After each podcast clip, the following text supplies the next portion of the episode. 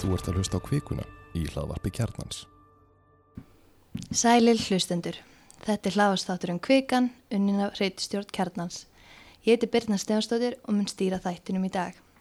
Ég veru bara kvikunar í dag er ekkert minna en sjálfi tíminn og vatnið sem Andri Snær fjallar um í nýju bókinni sinni. Ólíka típur meðalkjósenda stjórnmálaflokka, gífuleg vandraði gamma og þrengri ránaskilir í á lífeyri sjóði vestlunumanna.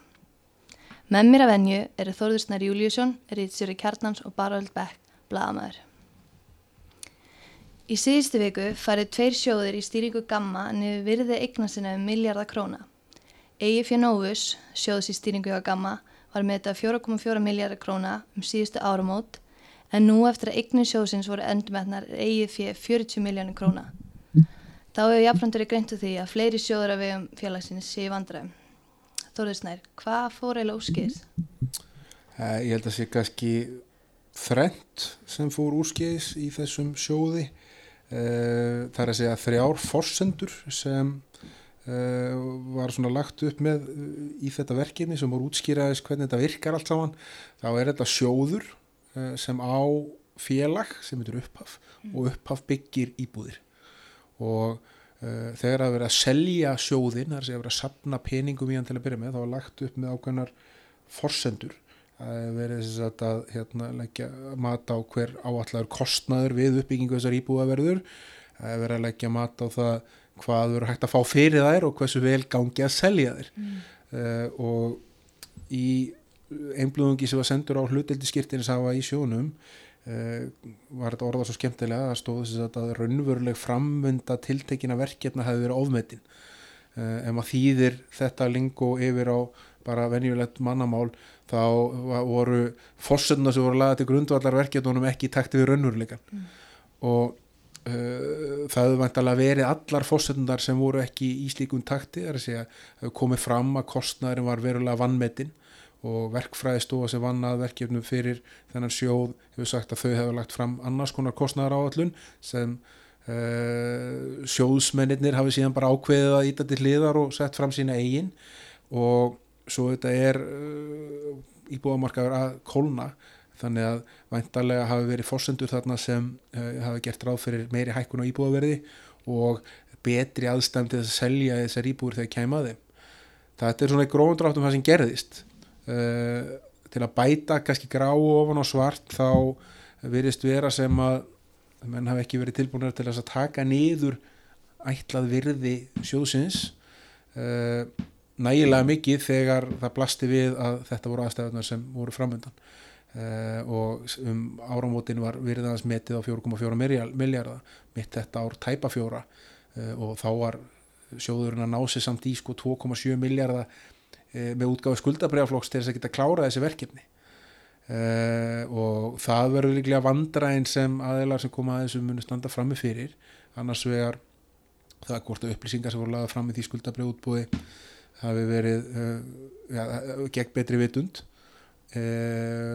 sem auðvitað má ekki og er ólöflegt uh, og svo kannski uh, hinn hlutin hvort að það hefði átt sér stað einhverjar þóknarnagaristlur eða einhverjar greiðslur út úr sjóði sem ekki áttur rétt á sem einhverjur fjölmjölar hafa greint frá að setja í skoðunar uh, maður hefur alveg svona auðvitað eftir á og, þetta er búið að vera að ræða þetta mikið uh, á melli þeirra sem eru í þessum geira að það var eitthvað í gangi á gamma þau áttu grí, auksu gríðilega hratt Uh, á þessum rúmu tíu árum sem fyrirtækið var starfandi.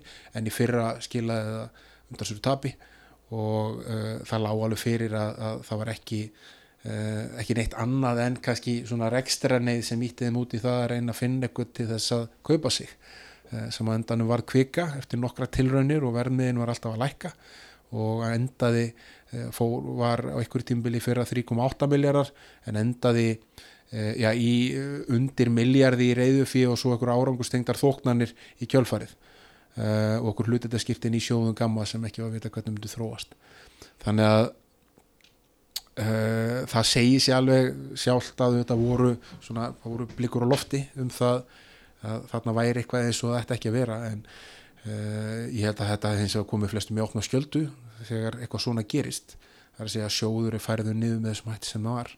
En hverjir eru að tapa á þessu niðurfæslu?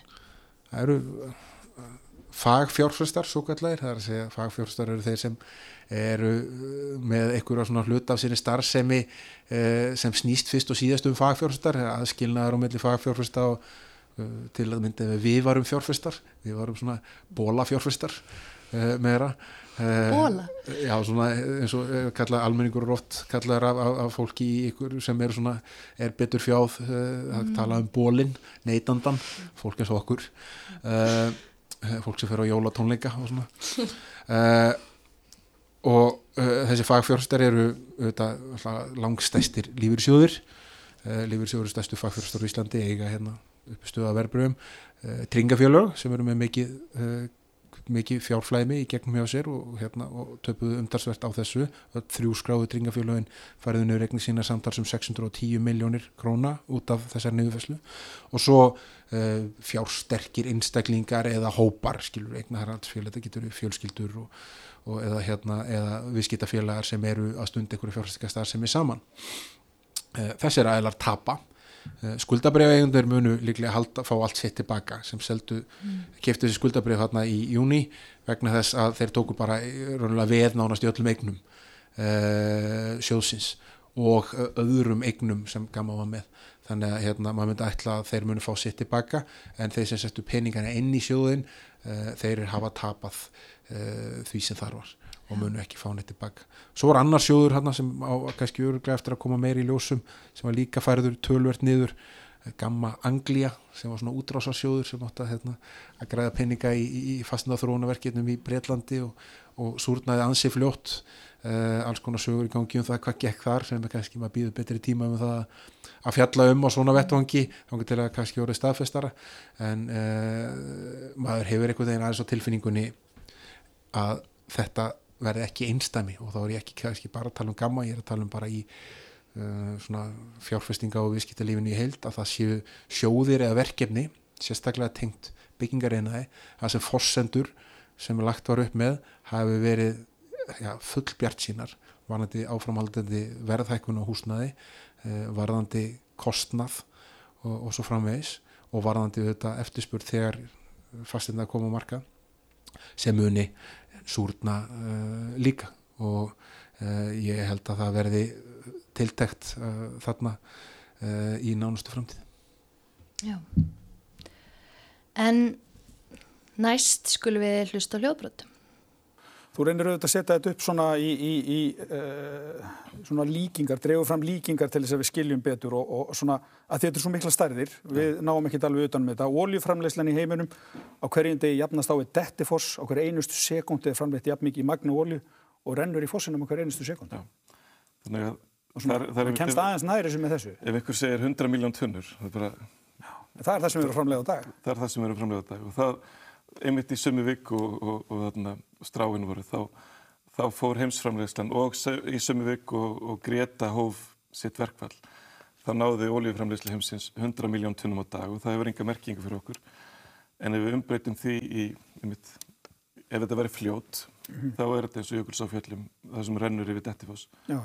Og ef maður stendur við slikt ægi afl og ímyndið sér að þetta hefði ekki áhrif á jörðina þá, þá þurfum við að vera ansi bjart sér sko. Já, já, og svo í sama samhengi sko, losun okkar hverjum degi er áður 600 eigafjalla jökulskos Já, sem var fyrsta umhverfis ábyrga gósi samt í. Já, það var eigafjalla jökull hann kólefnisjafnaði sig með því að stöða flugumferð svona rétt á meðan hann gaus. Mm. var, þannig að í rauninni jógst losin heimsins ekki vegna gósins heldur í rauninni mingaði Þarna heyrðum við Arnast Andra Snæ Magnarsinni, rítundi, ræðum hvernig hann nálgast umfangsefni sín í nýju bókinu hans um tíman og vatnið sem kom út í síðustöku. Bara um hvað er Andrinsnæðir að fjallum? Heyrðu, hann er hann að um, tekur hann loftlagsmálum fyrir og reynir svona að setja þau í samhengi kannski við um, já, lífið sjálft hreinlega og, og hvernig við upplöfum okkur í tímanum. Uh, þarna talar hann um, eins og hljóbrotinu sem við heyrðum, uh, hann fjallar um bara sko, hvernig við setjum hlutin í samhengi. Hann tók þarna sem dæmi sem sagt að oljuframlisla einum degi var svo dettifoss, einn sekunda uh, þar og, og losun á hverjum degi uh, út í andurslofti var eins og 600 eigafjalla jökulskos. Þetta er náttúrulega mjög áhugavert að heyra að það fá þetta svona í samhengi og hugsanlega er þetta ein leið til þess að gera sér grein fyrir uh, alvarleika málsins. Uh, hann gaf út Draumalandi eins og fræktur orði árið 2006 sem fjallaði kannski meira um uh, náttúruvend og komið núna yfir lofslagsmálin. Uh, það var líka gríðarlega mikil, uh, mikilvæg bók á, á sínum tíma og, og í rauninu svona breytti hugarfarinu hjá mörgum hvernig við hugsaum um hagvöxt, hvernig við hugsaum um, um já, gildi, þau gildi sem við höfum, hvað er mikilvægt. Uh, Ég held að umræða um loftslagsmál verði að fara að snúast um það.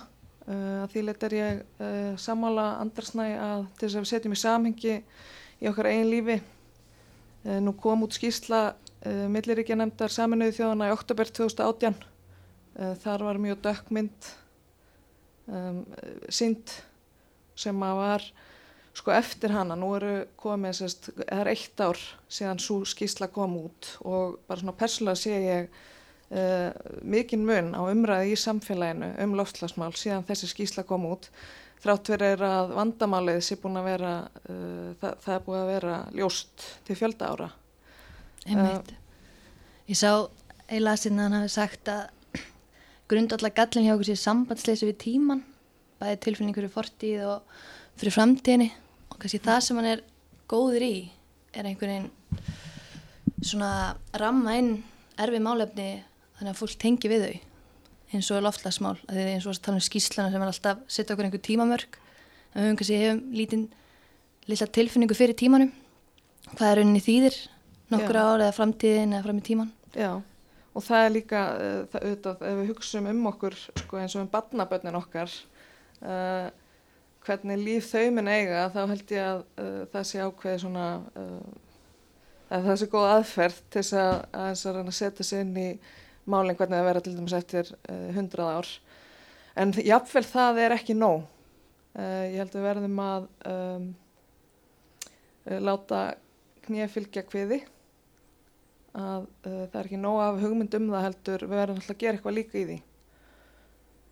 Andri Snær talaði um í viðtali þarna við Sigmar á sunnudaginn að það væri mikilvægt að missa ekki vonina og að vissuleiti er það ágætt að hugsa um það núna út að núna hafa komið upp uh, svona, komið upp ákveðin umræða, kannski svona pínu bakslag í umræðina uh, sem, má kalla bara svona ákveðin afnettuna sinna sem að hafa verið að reyna að grugga vatnið. uh, til dæmis í gær þá kom út uh, reynlega bara frétt á uh, VF umhverfstofnunar þar sem hún áréttar reynlega loftlagsbreytingar séu staðrend. Það fannst mér bara mjög áhugavert að umhverfstofnun... Að það þurfi? Já, bara svona í ljósi umræðinar. En við erum kannski svolítið stödd þar og þá þurfum við kannski einmitt að um, huga að staðrendum og ekki kannski missa okkur í, í uh, þá, þessari gurgun. Mm. Einmitt.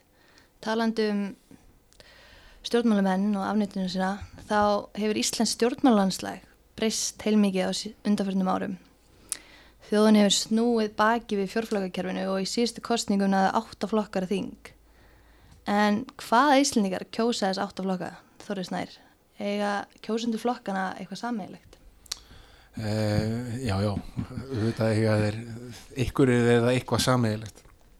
En uh, þetta er þróun sem eh, hefur átt sér stað til dæla rætt í öllu svona stóru íslensku samengi uh, á mjög skömmum tíma hefur kerfi breyst úr því að vera þetta fjóri pluss eitt kerfi sem var hérna fjóri grundvallaflokkar sem voru venilega með 90% fylgi og uh, í það að vera uh, ja, miklu brotakendara og, og í síðustu kostningum þar síðustu kostningum sjöflokkar og í síðustu kostningum átta og í kostningunum, sko í sveitasjónukostningunum í, í Reykjavík á að bara nánast frambóða á íbúa sko, þetta var svo mikið magn sem var þar í gangi og, og áttaflokkar náðu inn uh, og, þar, og, og í því samingi verið að horfa til þess að framsókn og ekki þar inn en sósialistar náðu inn.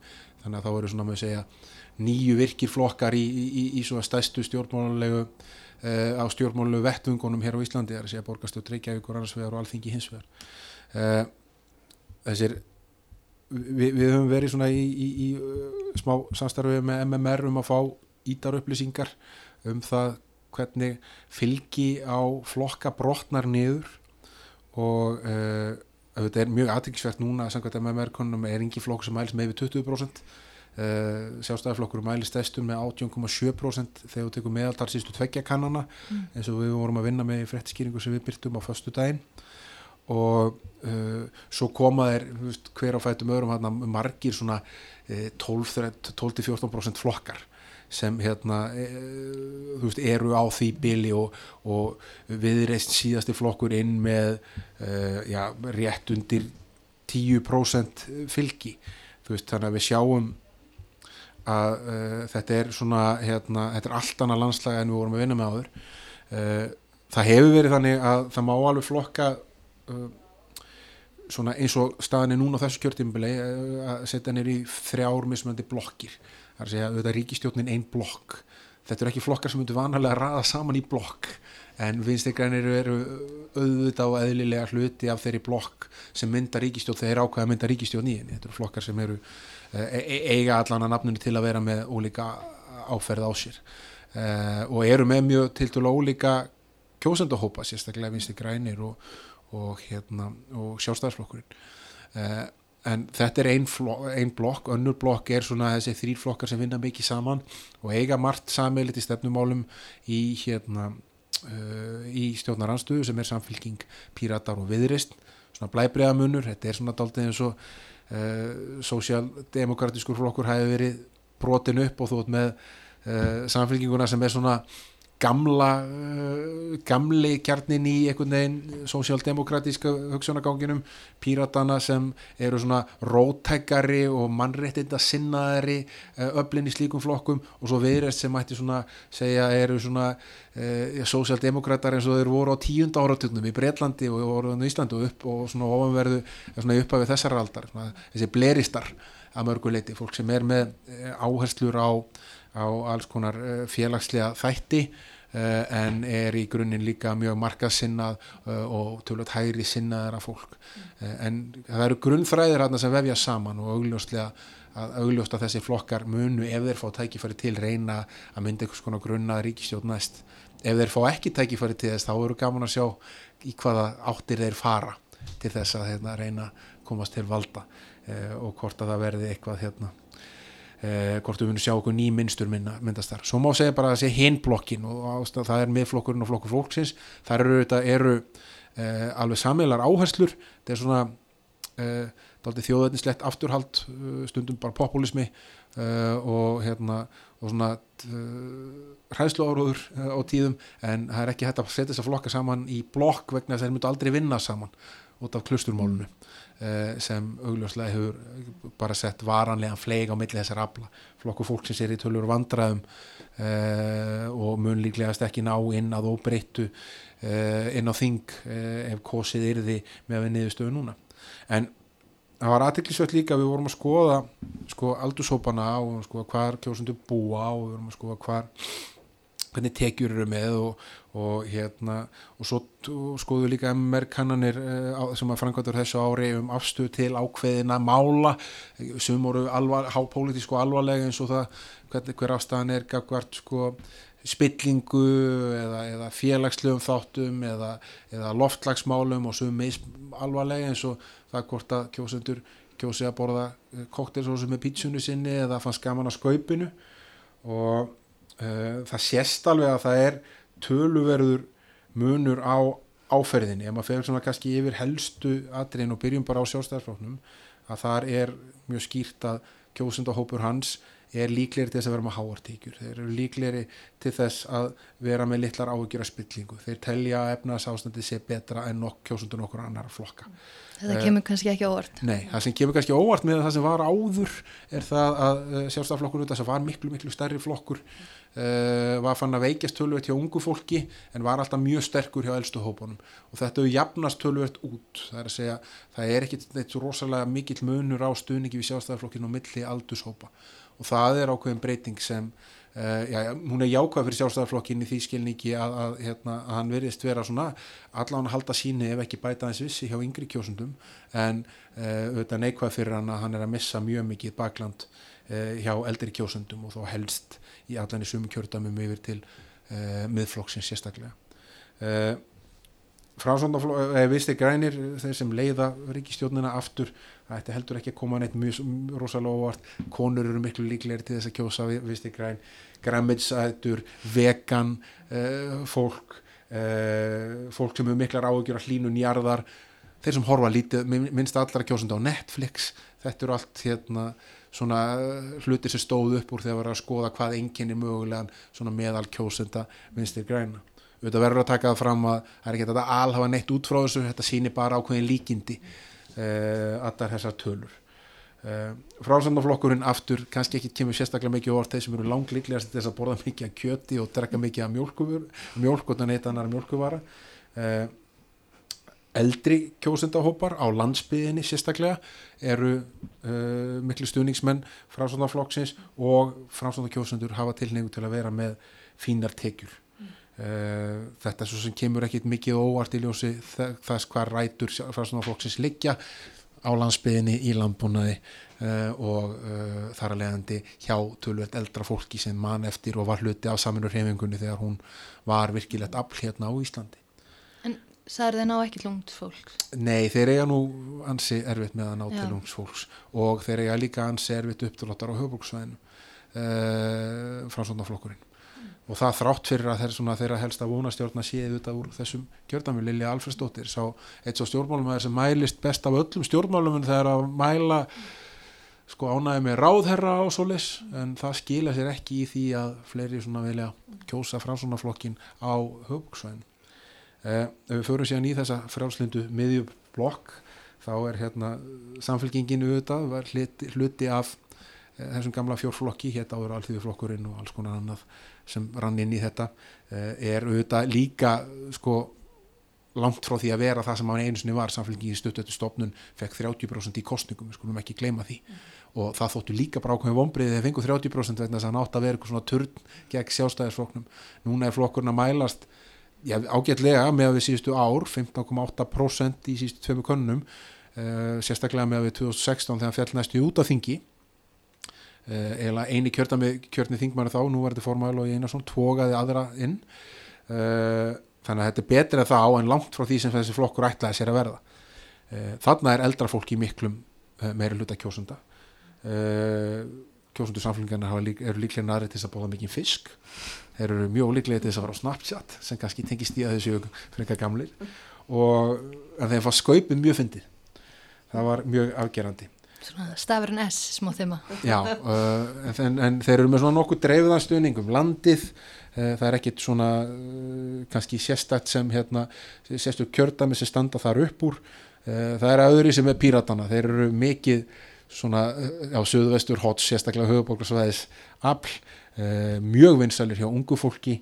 Ná betur til átekjuhópa en annar hópa. Eh, það er afgerandi uh, frekar til kjósenda sem eru ekki með háskólamentun en annara og skora hæst á öllum af þeim sem borða koktelsósu með pítsu sem ég þekir mjög aðteglisvert uh, svona stuðningun hjá þeim nær helst út á Suðurlandið og aðeins eitt á Vesturland. Og maður getur ímyndið að segja að það sé svona uh, eins og segja þetta svona stór Suðvestur hotn uh, sem uh, píratar njóti mest stuðnings eða það sem svona 75% af landsmönum búa upp fyrir Akranes og, og út fyrir Árborg og hérna og svo höfuborgarsvæðið og, og Suðunissin uh, Viðreysnaflokkurinn líka er uh, kannski svona uh, kannanir íta undir staðalýmyndina þetta eru kallar frekar en konur.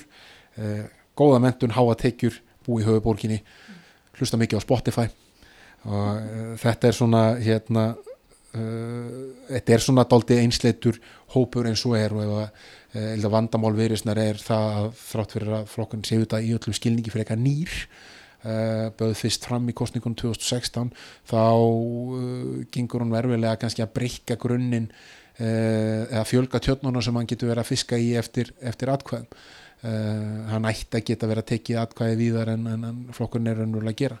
Þannig að styrkurinn þá að hann getur unni með eins og pýratum og samfélkingur í Já, ég, svo auðvitað eftir að sjá það raungerast hvort að það er, e- eins og þetta er í dag þá tala allir sko forvís með þessara flokka að þetta sé svona verði grunnurinn að e, næstu ríkistjórn eða gera það að minnstu eitthvað svo ófrómlega og hafa gert það nokkur sinnum ofnbærilega líka. E, það sem e, svona kannski er mjög aðtækisvert er að þessi flokkar, þessi fylgið þeirra þryggja saman er rosalega stöðut og hefur verið það yfir lengri tíma.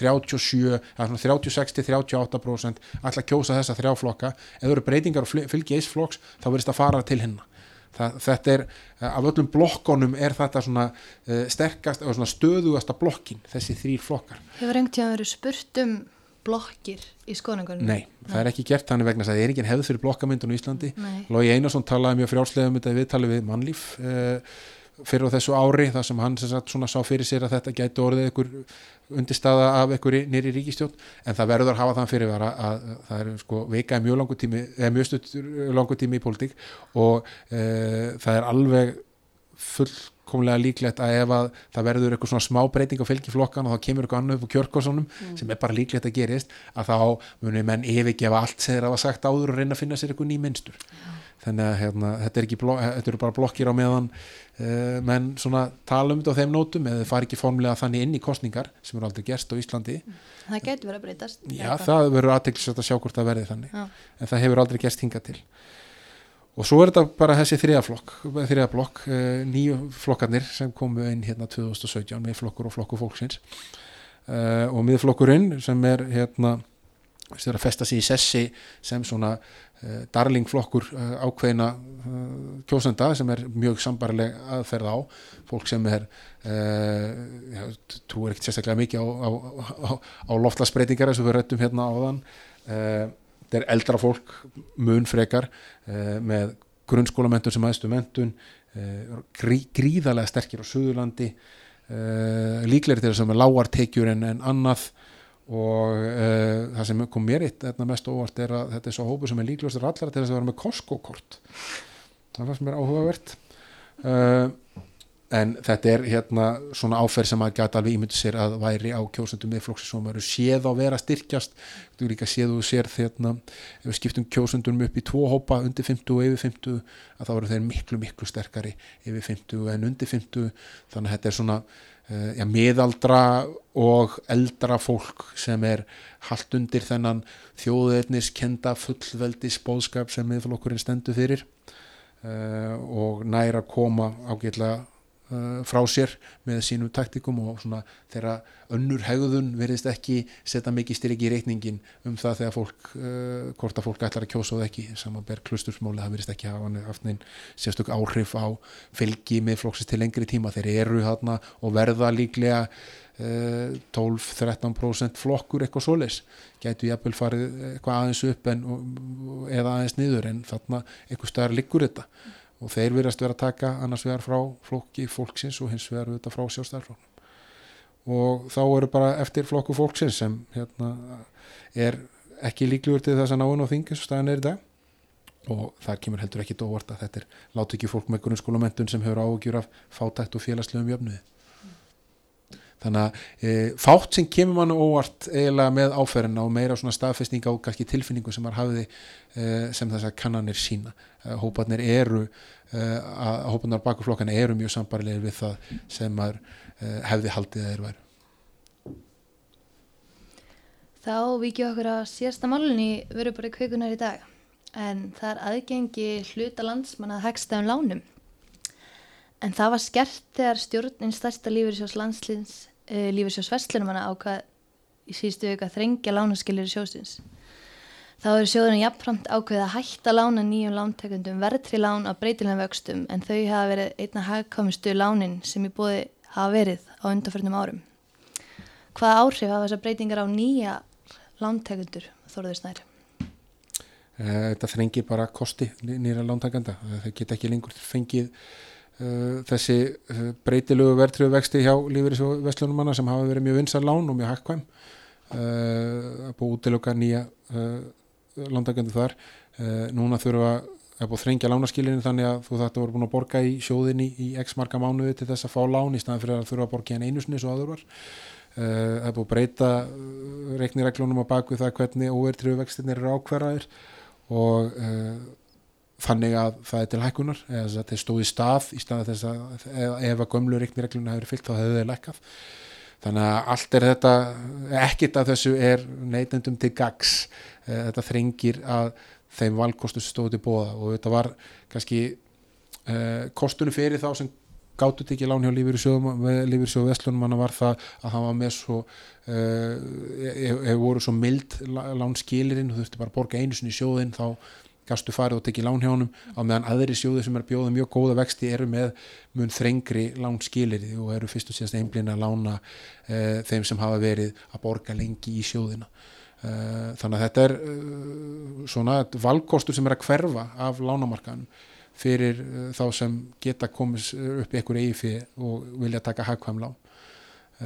Og samandreið þá bara virðist ekki vera eins og að þessar stýrivaksta lækkanir séu að skila sér neitt sérstaklega vel til alla minnstakosti stóra hópa lántangenda það er að segja uh, þeirra sem þurfa að taka sérstaklega náttúrulega herri lán eða þeirra sem eru ekki í svona afmörkuðum minni lífið í sjóðum uh, það sem er, þurfa að taka geta tekið 60-50-70% lán uh, sem þurfa að taka hjá, hjá böngunum, núna geta þeir ekki farið í lífið sjóðu vestlununa uh, og þar eru vextinir miklu herri og, hérna, og lánin bara miklu dýrari En af hverju eru þeir að þringja? Þeir eru að gera það vegna þess að þeir eiga í svona stuttumálinn þá eiga er ekki lausafettið standundir mm. þeir eru að hlutfall uh, sjóðsfélaga lána hjá Lífursjóðu Vestlunum hefur hækkað alveg gríðalega hratt af hildaregnum sjóðsins frá því að þeir byrjuði að lána aftur uh, svona aðeins þessu mikla krafti breyttu skilunum hjá sér og breyttu viðmiðunum öllum og vöxtunum 2015 uh, og fram til dagsins dag. Og núna er staðan þannig að þeir eru búin að lána yfir 107 miljardar sem þeir eru búin að lána og, og það voru ja, vel á 30 miljardar sem voru svona pending, er að segja að býða í umsóknum.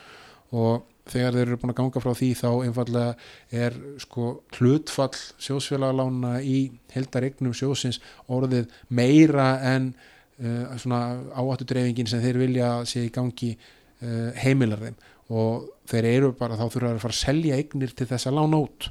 Breyta samsettíku eignar sína þannig að þeir fara að lána meira til sjósfélagana það er eitthvað sem sjóðurinn ekki tilbúin að gera. Og ég skil það alveg uh, að þeir stjórn sjósins vilji þá minnstakosti fara í ja, tölvert mikla undirbúningsvinnu ef hún ætlar að taka slíka ákvörun að fara að breyta uh, svona hvernig áhættu samsetting sjósins er. Vegna þess að hugmyndin er að vera með dreifða áhættu eitthvað í sjófjörnslánum innlega hlutabref, skuldabref, erlendaregnir og svo framvegs uh, og þannig þú veist ef það kemur högg og einn eigna flokk þá séu aðrir til þess að svona hýfa hýfit allt saman upp. En þetta eru þetta bara alvarleg staða einhver liti að við séum að, að, að vera að fækka lána kostum líka bara aflegginga því að við erum alltaf einhvern veginn, við erum aldrei með langtímaplanu það hvernig við ætlum að haga uh, íbúa fjármögnun á Íslandi, þetta er alltaf einhverjum svona skamtíma ákvarðanir sem eru teknar hvort sem það er á vettvangi viðskiptabanka eða á lífyrsjóða í staðan fyrir að hér sé eitthvað svona hildræn stefnumótun um svona til lengri tíma áratuga mm. sífælt að breytast allt þetta kerfi frá því að félagslega húsnæðaskerfið var lagt niður til að fara í 90% lán hjá íbúðalán sjóðið og þá 90 og 100% lán hjá böngunum og svo eru við komin með sko, sérreitnarspartnaðaborgin á lán og þetta er alltaf eitthvað neina svona við erum alltaf að plástra kerfi sem er aldrei í grunninn að virka í staðin fyrir það að búa til nýtt kerfi og hafa komið hugmyndir Ragnar Þór Ingórsson hefur verið að tala um það á fleiri hvort að þetta veri eitthvað svona sameilur samfélagsbanki eða hvað sé vilji kalla til þess að lána út sem hérna lífyrirsjóðin getur staðið saman af. Þetta hefur náttúrulega verið einhver útgáð af því sem var íbúðalansjóður íbúðalansjóður var ríkis fyrirbæri sem lánaði fólki uh, húsnæðaslán og gaf sér hann út skuldabref sem bara lífyrirsjóðin keftu sko. Hann lífyrirsjóðin fjármögnu alltaf íbúðalansjóð en uh, ég held að hugmyndi núna sé að gera þetta með einhverjum öðrum hætti og betni hætti þannig að lífur í sjóðunir séu einfallega bara að reka allt systemið, þetta verður bara lítil yfirbygging, þetta verður fyrir sjáleiki um það hvernig vaksta þróun yrði. Það er að segja að það lægi bara fyrir þetta viðmið, svona munu vextir þróast og þá fáið fólk þann fyrir sjónleika uh, þetta sé ekki verri hugmynd en allar hinn sem við erum búin að prófa í, í þessu, þessu byggsi öllu saman endan verður alltaf þannig að þeir sem fara vest út úr öllum tilhörunum okkar eru þeir sem vest hafa í íslensku samfélagi er að segja að þeir sem eru legsta tekjurnar eða þurfa mest að hjálpa að halda Já, ég myndi segja að þetta væri bara mikið ávíkjefni og, hérna, og ennþá breykar þá bylið uh, milli þeirra sem eiga pening og sem eiga það ekki. Einmitt, og þeir sem alltaf kaupa húsnæði og þeir sem eiga húsnæði. Já, þannig erum við líka bara miklum vítarring að fólk náttúrulega út á legumarkanum sem að er ekki endilega með stuðning frá fjölskyldu eða eiga ríka fóreldra eða eitthvað slíkt og það er erfitt að safna í dag. Uh, það er bara staðrind og, og þetta er nú svona eitt af því að að hérna, skilirinn fyrir uh, hagstæðalánum um, að þau eru orðan svona þá er það ennþá örfæðara fyrir uh, fólk sem er í þannig stöðu að komast inn, inn með fótinn. Hemmitt.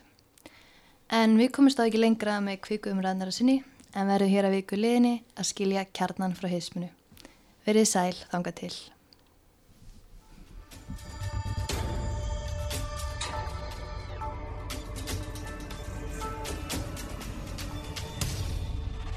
Þú ert að hlusta á kvikuna í hlaðvarpi kjarnans.